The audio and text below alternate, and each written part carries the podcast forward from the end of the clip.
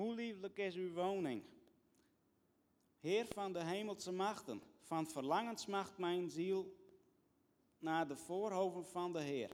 Mijn hart en mijn lijf roepen om de levende God. Zelfs de mus vindt een huis en de zwaluw een nest waarin ze haar jongen neerlegt. Bij uw altaren, Heer van de hemelse machten, mijn koning en mijn God. Gelukkig wie wonen in uw huis, gedurig mogen zij u loven. Gelukkig wie bij u hun toevlucht zoeken, met in hun hart de wegen naar u. Trekken zij door een dal van dorheid. Het verandert voor hen in een oase. Rijke zegen daalt als regen neer. Steeds krachtiger gaan zij voort om in Sion voor God te verschijnen. Heer God van de hemelse machten, hoor mijn gebed. Luister naar mij, God van Jacob.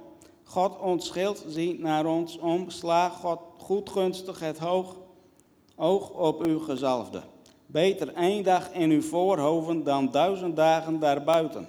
Beter op de drempel van Gods huis dan wonen in de tenten der goddelozen. Want God, de Heer, is een zon en een schild. Genade en glorie schenkt de Heer. Zijn weldaden weigert hij niet. Aan wie onbevangen op weg gaan. Heer van de hemelse machten. Gelukkig de mens die op u vertrouwt.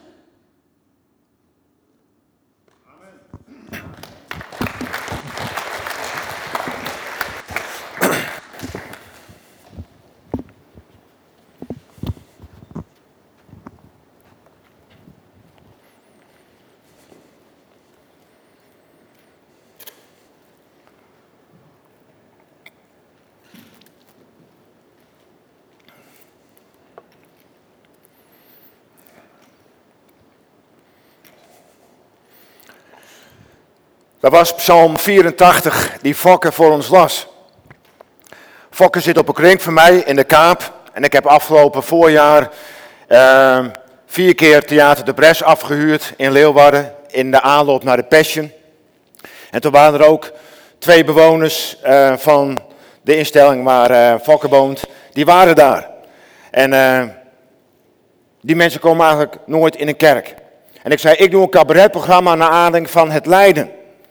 En die mensen hebben daar vaak te maken met het lijden. Iedereen heeft zo zijn verhaal, zijn achtergrond. Zo is er iemand die kreeg toen hij begin twintig was zomaar een hersenbloeding. En sindsdien zit hij in een rolstoel en heeft hij bij alles wat hij doet hulp nodig. Weer een ander die heeft MS, een ziekte die sluimerend werkt. En nu dus totaal hulp nodig heeft. En die mensen, en er is ook iemand die is aangereden door een automobilist die niet uitkeek. En sindsdien verschrikkelijk gehandicapt is. En als er iemand iets weet over het lijden, dan zijn wel die mensen die daar wonen. En ik zei van, kom naar die voorstelling.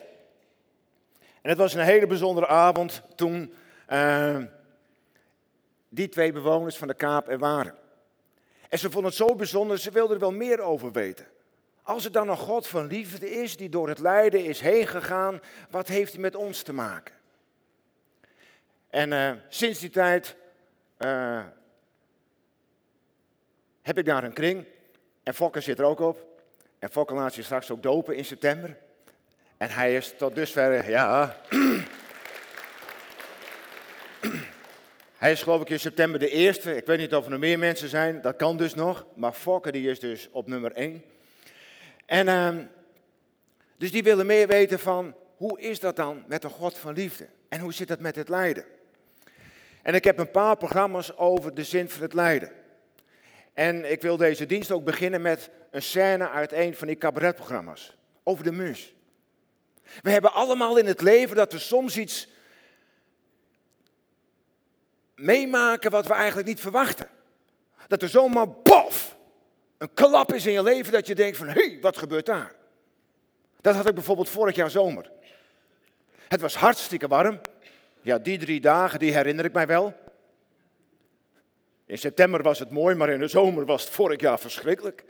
Ik zat in huis dus die een van die drie dagen, want buiten was het veel te warm. Mopper, de mopper, de mopper. En wat hoor ik? Een klap tegen het raam. En ik meteen naar buiten, want ik wil altijd weten wat is er aan de hand. Dus ik naar buiten en wat ligt daar? Een mus. Een doodgewone mus. Nou, dood. Hij leefde nog. En, en, ik zei tegen die mus, blijf erbij. Toen nou, ik ga je redden. We worden vrienden voor het leven. Doe dan. Want je moet tegen ze praten, hè.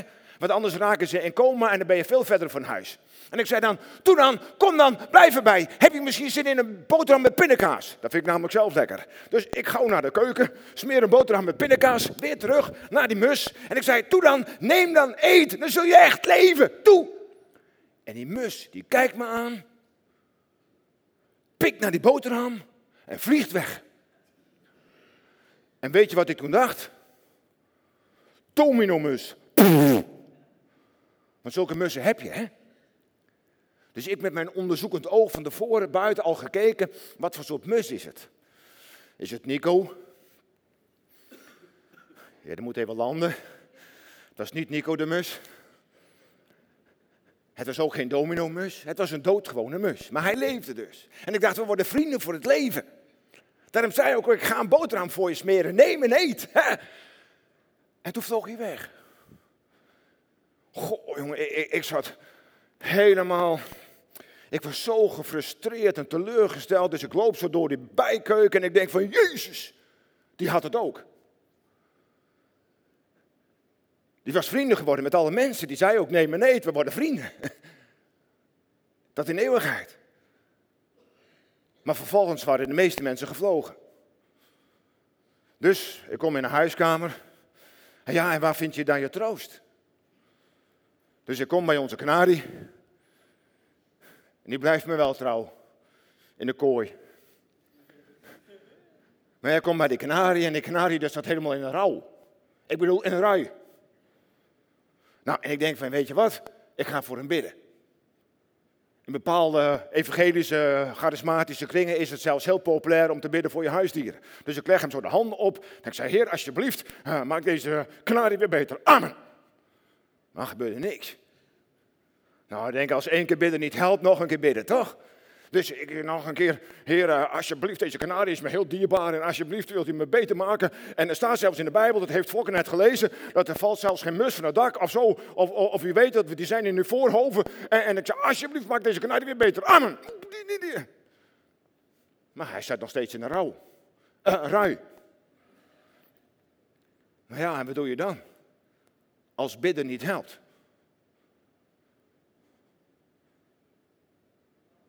Ja, dan valt er zelfs een stilte in de kerk. Wat doe je? Als bidden niet helpt. Als je bijvoorbeeld je knieën blauw hebt gebeden. En, en de blaren op je tong. Maar bidden helpt gewoon niet. En wie kent dat niet? Je hebt ergens om gebeden. Je hebt om gesmeekt. En het helpt niet. Wat dan? Ja, je kunt gefrustreerd worden, stil, in paniek, hopeloos. Je kunt de kerk verlaten. Maar je kunt misschien ook wel een beetje alternatieve therapie proberen. Zoals ik deed met uh, mijn kanarie. Ik pakte een breinaald van mijn vrouw. En ik dacht een beetje alternatieve acupunctuur. Dus ik pak zijn breinaald en steek die zo in die kanarie. Nou, hij piepte helemaal niet hoor. Nou ja, de eerste keer wel. Maar daarna heeft hij nooit weer gepiept. En tijdens het cabaretprogramma, dan pak ik mijn kanarie. Nou, een nep kanarie natuurlijk. En, en, en, dan laat ik hem zien met tien breinaalden in zijn lijfje. En iedereen, oh. En dan zeg ik van, het is wat. Als iemand die je dierbaar is, je ontvalt, daar kun je wel heel makkelijk overheen stappen. Maar het is pastoraal en theologisch en, en sociaal is het onverantwoord. Dus wat doe je? Als bidden niet helpt. Als jij God hebt gevraagd om een antwoord, om hulp, En het komt niet zoals jij verwacht. Wat dan? Wat doe je? Er zijn mensen die naar alternatieve geneeswijzen gaan om daarin hun heil te zoeken, hun genezing. Er zijn ook massa's christenen die de kerk hebben verlaten. Want zie je wel, het helpt niet. En daarom zijn er de afgelopen jaren ook zoveel kerken gesloten in Nederland. Het werkt immers niet, het evangelie. Dus, so what? Wat doe je als bidden niet helpt? Zwijg je? Ga je in een hoekje zitten? Of ga je misschien zingen over wat je wel begrijpt? Dat er een God is die hemel en aarde heeft gemaakt. En die prachtige mooie natuur, bijvoorbeeld die misjes. En al die andere vogels. Ga je misschien zingen over de dingen en van de dingen waar je wel dankbaar over kunt zijn. Wat je wel begrijpt. Van tijd tot tijd, beste mensen, krijgt ons geloofsleven een deuk. Iedereen krijgt ermee te maken. En wat doe je dan? Wij krijgen te maken met tegenslag. Dat we het niet meer weten, dat we twijfelen. En dat is op zich niet erg. Het is eigenlijk heel normaal. Zelfs de Bijbel staat vol verhalen met mensen die op een gegeven moment in een crisis, in een dip terechtkwamen. Het niet meer zagen zitten. En zelfs de beste, de grootste profeten in de Bijbel, die hadden ermee te maken. Bijvoorbeeld Elia. Hij had een succeservaring gehad op de berg. Toen al die profeten van Baal er niks van bakten. En zij God vuur uit de hemel gaf en het offer in brand stak. En dan de grote heraut van Jezus, Johannes. Op een gegeven moment zit hij in de gevangenis. En hij vraagt zich vertwijfeld af, maar is die Jezus die ik heb aangekondigd, is die wel echt de Messias? En hij stuurt zijn profeten, zijn volgelingen, zijn discipelen erop af. En wat geven ze als antwoord? Nou ja, ze zeggen er worden zieken genezen, blinden geven, krijgen weer het zicht, eh, lammen kunnen weer lopen. Oh, gelukkig, zegt Johannes. Inderdaad. Jezus is de beloofde Messias. Hij is degene die ik heb aangekondigd. Maar kennen jullie allemaal zo'n Johannes de Doper of Elia? Iemand die je kunt raadplegen wanneer je het niet meer ziet zitten, wanneer je twijfelt. Als je denkt van hoe nu? Wie is de expert? Is dat de dominee, is de voorganger? Zijn dat de mensen die hier bij de etagère staan? De mensen van het pastorale team, die moeten het toch weten? Die brengen toch Jezus aan de man? Juist voor de mensen die het nodig hebben. Dus kom erop. En sommige mensen willen dat van mij ook weten. Hé, hey, ik ben toch die christelijke cabaretier die allemaal leuke grapjes maakt en vervolgens dus het evangelie wil verkondigen.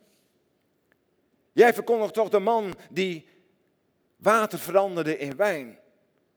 Die Jezus die de feestvreugde herstelde in de levens van mensen. Dus kom erop. Oké. En dan kom ik. En dan kom ik met Jezus aanzetten. Jezus die vaak met simpele voorbeelden uit de natuur komt aanzetten. En ik lees Matthäus 6, vers 25 tot 28. En er staat, maakt u geen zorgen over eten, drinken en kleren. Uw leven is belangrijker dan voedsel. En uw lichaam is belangrijker dan kleding. Let eens op de vogels. Die maken zich geen zorgen over wat zij moeten eten. Ze hoeven niet te zaaien, niet te oogsten of te bewaren, want God geeft hun wat zij nodig hebben. U bent meer waard, meer waard dan de vogels. En dan vers 33. Zoek eerst het koninkrijk van God en alles zal u worden gegeven. Alles zult u ontvangen. Dus niet een beetje, nee, alles. Wow. Wat een belofte. Niet een beetje, niet de helft, niet 70 procent. Nee, alles zult u ontvangen. Maar geloof jij dat? Gelooft u dat, dat je alles zult krijgen? Nou ja, als je het niet gelooft, wat doe je dan? Dan ga je misschien wel zorgen maken. Dan ga je piekeren. En is de kans groot dat je tijd opgaat aan negatieve dingen. Ben ik wel waardevol? Tel ik wel mee? Ben ik voor God belangrijk? Doe ik het toe? Die, die is toch veel succesvoller? En die is veel knapper. En die ziet er veel beter uit. En die is intelligenter. En, en die, nou ja. En met Matthäus 10, vers 29 lees ik. Geen enkele mus valt van het dak zonder dat je hemelse vader het weet. Geen enkele mus. Jezus vergelijkt ons met mus. Met, met, met zo'n gewone mus. Dus geen prachtige kraanvogel. Niet een mooie pauw. Met prachtige veren. Nee, gewoon zo'n simpel musje. En een musje kan ook niet mooi zingen. Het chilpt hooguit wat. Uh, het is een vogeltje wat er altijd is. Het is een standvogel. Je kan er waarschijnlijk geen spannende verhalen over vertellen, want hij gaat niet op vakantie. Niet op wintersportvakantie om de, zon, om de winter door te brengen in een mooi tropisch oord of zo. Zoals de zwaluw. Nee, het is de huismus. Het, het is ook nog een brutaal jongetje. Een straatvechter onder de vogels. En soms zie je dat wel eens op zo'n voederplank. Dat je denkt van, nou nou, van maar zodat hier wijzen. Een soort ADHD-vogeltje, weet je wel. En toch, Jezus vergelijkt ons met mus. En een vogel, een mus, was in die tijd van Jezus heel weinig waard. In Jezus' dagen werden er twee mussen verkocht voor een duit. En vijf voor twee duiten. Dus de reclameslogan op de markt van Jeruzalem zou kunnen zijn: vijf halen, vier betalen. Want zo weinig is een musje maar waard. En voor een dagloon, een dinari, kon je 32 mussen kopen. En op het tempelplein kon je ze kopen voor de offerdienst. En het waren dan de arme mensen die dat deden, die weinig geld hadden. Dan hadden ze toch wat om te offeren. Een musje. En mensen aten ze zelf ook op. Hadden ze een beetje vlees. En ze vingen ze in een klapnet. Wat trouwens bijzonder is, in het Hebreeuws wordt trouwens niet het woord mus gebruikt. Maar het woord sepor. Of sepor, ik weet niet precies hoe je het moet uitspreken. En dat betekent hij die chillt. Dus dat is nog niet echt heel uh, bijzonder of zo. Hij zeurt een beetje. Oh, hij zeurt. Een mus, hij die chillt. En toch heeft de dichter van Psalm 84 aandacht voor die mus. En ook op andere gebieden, op andere delen in de Bijbel kom je de mus tegen. In Psalm 102, vers 8 bijvoorbeeld. Wanneer de psalmist zegt, ik kan niet slapen en lijk op een vogel, Sippor weer, alleen op een dak.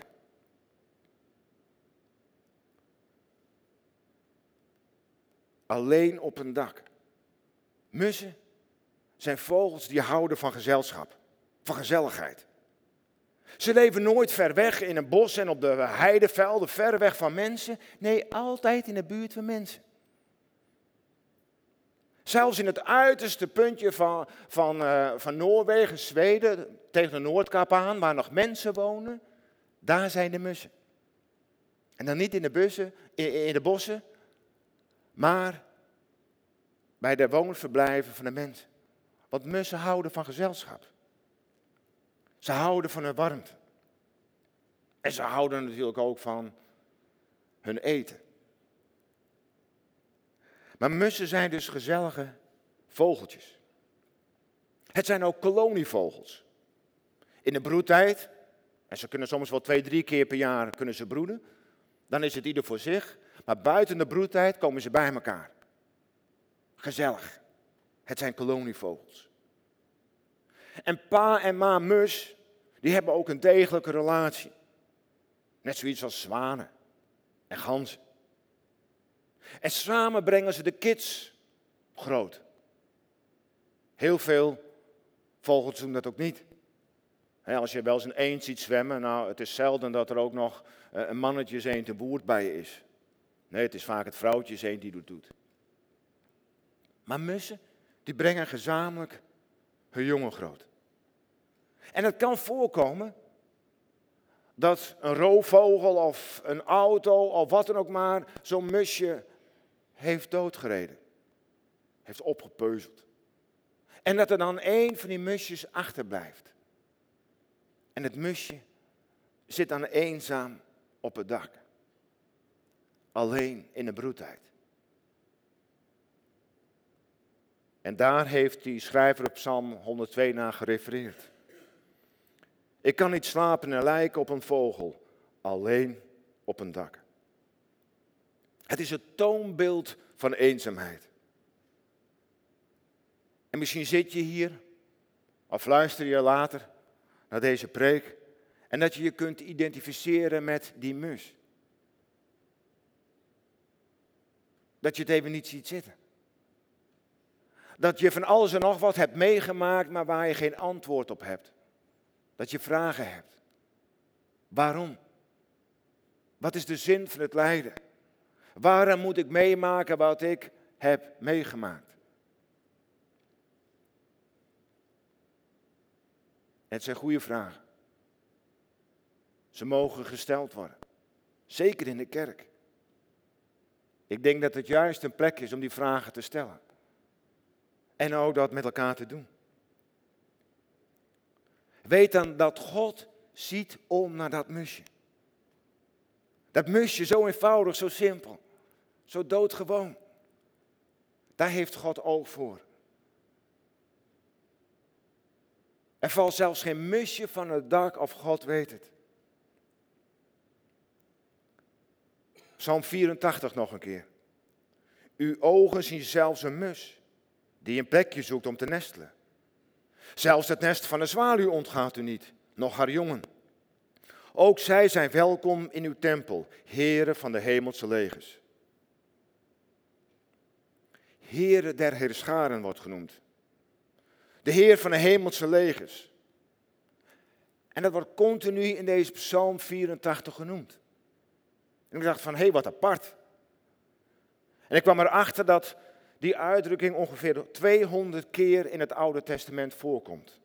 Heer der Heerscharen. Hij is de God die de engelen aanvoert in de oorlog, in een geestelijke oorlog. En ik denk wat bijzonder dat uitgerekend in Psalm 84 over de mus deze uitdrukking wordt gebruikt. Waarom nou uitgerekend deze uitdrukking in deze psalm? Waarom de term de Heer van de hemelse legers? Het begin van deze psalm gaat, erover dat de psalmist smacht ernaar om naar God te komen, om Hem te vinden. Het is geschreven door iemand die onderweg is in Israël, waarschijnlijk naar Jeruzalem. Hij is op pad naar de tempel om God te ontmoeten. En als wij God willen ontmoeten, dan gebeurt dat nooit automatisch. Wij moeten op weg. Wij moeten de wekker zetten. Wij moeten op reis gaan. Maar onderweg vinden we meestal tegenslag. We zijn moe. We hebben geen zin. Of we hebben de druk met van alles en nog wat. En natuurlijk, het kan ook zo zijn dat we net als Psalm 84 smachten om naar het huis van God te gaan. Maar vaak is dat ook niet het geval. En waarom niet? Wel, omdat er een geestelijke oorlog gaande is. De tegenstander van God wil niet dat jij, dat u in Gods huis komt. De tegenstander wil echt niet dat wij in Gods huis komen, in zijn tempel, in de kerk, om het woord te openen. Want dan gebeurt er wat. En dat staat ook in diezelfde Psalm 84 en ik lees vanaf vers 5. Gelukkig wie wonen in uw huis. Gedurig mogen zij u loven. Gelukkig wie bij u hun toevlucht zoeken. Met in hun hart de wegen naar u. Trekken zij door een dor, trekken zij door een dal van dorheid, het verandert voor hen in een oase. Rijke zegen daalt als regen neer. Steeds krachtiger gaan zij voort om in Sion voor God te verschijnen. Wow. Realiseer je dat, wat er gebeurt als je in Gods huis komt? Dan worden gevangenen bevrijd, blinden krijgen weer het gezicht. Mensen worden hersteld van depressie, van geldzorgen. Ze krijgen licht naar een tunnelperiode. Ze worden vernieuwd, ze krijgen weer hoop. Het worden andere mensen. Al ga je door een dal van dorheid, je komt terecht in een oase. Wow. Maar geloof je dat?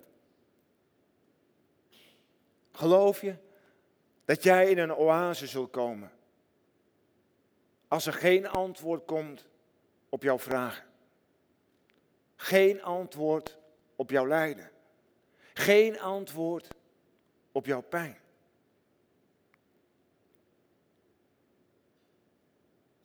Het is moeilijk. En vaak is het een proces waar we doorheen moeten. En iedereen gaat door, zijn, door zo'n proces heen. Maar weet dat God jou ziet. Zelfs al valt er een musje van het dak, God weet het. En jij bent veel meer waard dan die mus. Reken jezelf niet weg. Denk niet, ach, ik ben maar een huismus, ik ben maar een standvogel. Ik ben geen wereldreiziger zoals die zwaluw. Nee, dat hoeft ook niet. Jij mag zijn zoals jij bent. Met alles wat je meemaakt. En natuurlijk, wij willen altijd snelle oplossingen. Wij willen snel hulp. Snel genezing. Maar vaak lukt dat niet. We hebben het nodig als kolonievogels, als gemeente, om elkaar te ondersteunen. En als je denkt straks van, hé, hey, ik heb iemand nodig die voor mij bidt. Dan kun je naar de etagères hier voor en achter gaan. Waar mensen voor je kunnen bidden. Niet dat er in één keer alles is opgelost. Maar wij geloven wel. Dat het een eerste stap, een weg is. Om de weg naar die oase die God belooft. Je hoeft het niet alleen te doen. Die reis die je maakt, doe je niet alleen. Je doet het met God. Wij doen het met elkaar. God ziet je. Hij hoort je jammerklacht. En andere mensen die zullen dat vaak niet begrijpen. En het kan ook best zijn dat sommige mensen zich daaraan storen. Want dat kan gebeuren. Er zijn waarschijnlijk mensen, misschien op jouw werk of in jouw straat of in jouw familie, die denken van, ach man, je hebt al zoveel geprobeerd en gaat nog steeds naar die kerk, naar die God. Het helpt toch niks.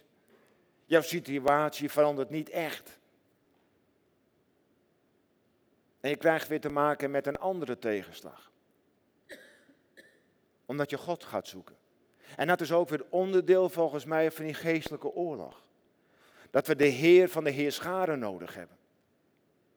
Dat we de boze, het kwaad moeten wegsturen, tegenhouden. Ons bewust zijn dat er ook een andere macht is dan de macht van God. Een tegenstander die ons kapot wil maken. En er zijn misschien mensen die ons bekritiseren. Die zeggen van ja, maar uh, wat helpt nou dat geloof? En misschien wel mensen in de kerk die ook denken van ja, maar zoals jij erover denkt of doet, dat, dat zit niet goed. Je krijgt te maken met kritiek. Als je God gaat zoeken, hoe dan ook. En dat hadden die musjes al. En die zwaluwen.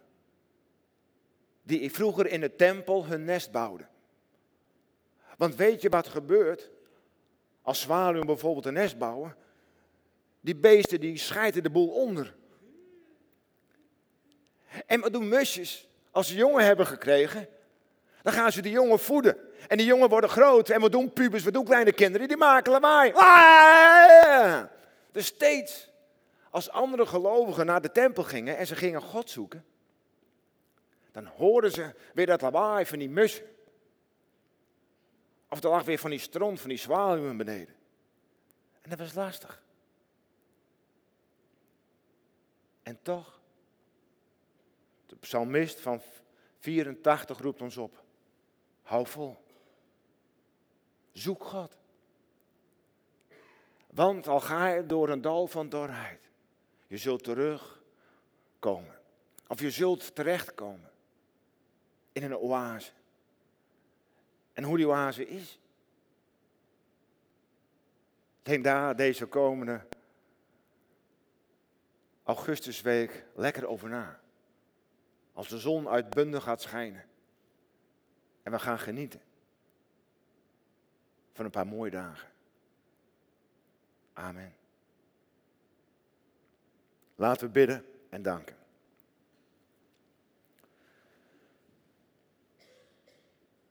Ja, machtige God, dank je wel voor uw schepping. Heer, dat u alles wonderlijk heeft gemaakt. En Heer, dat u met zulke simpele vogeltjes als de mus ons een les gaat leren. Dat wij meer in tel zijn dan de mussen. En Heer, we hebben ook stilgestaan bij het lijden vanmorgen. Wanneer we geen antwoord krijgen op onze vragen. Heer, kom ons tegemoet. Help ons om onze gedachten af te stemmen op U. Heer, we willen komen, Heer, in die oase van rust. Heer, we willen genieten, Heer, van uw goede vruchten.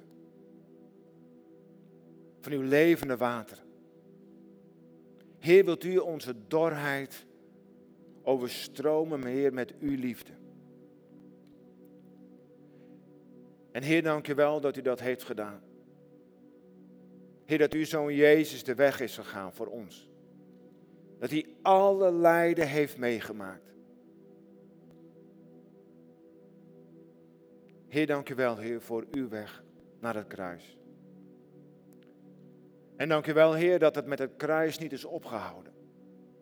Heer, dat u bent opgestaan uit de dood. En Heer, ik bid, Heer, voor ieder van ons uw opstandingskracht toe. Dat we mogen leven, volop. Niet een beetje, maar volop. En dat wij oog krijgen voor de mussen, de mensen om ons heen.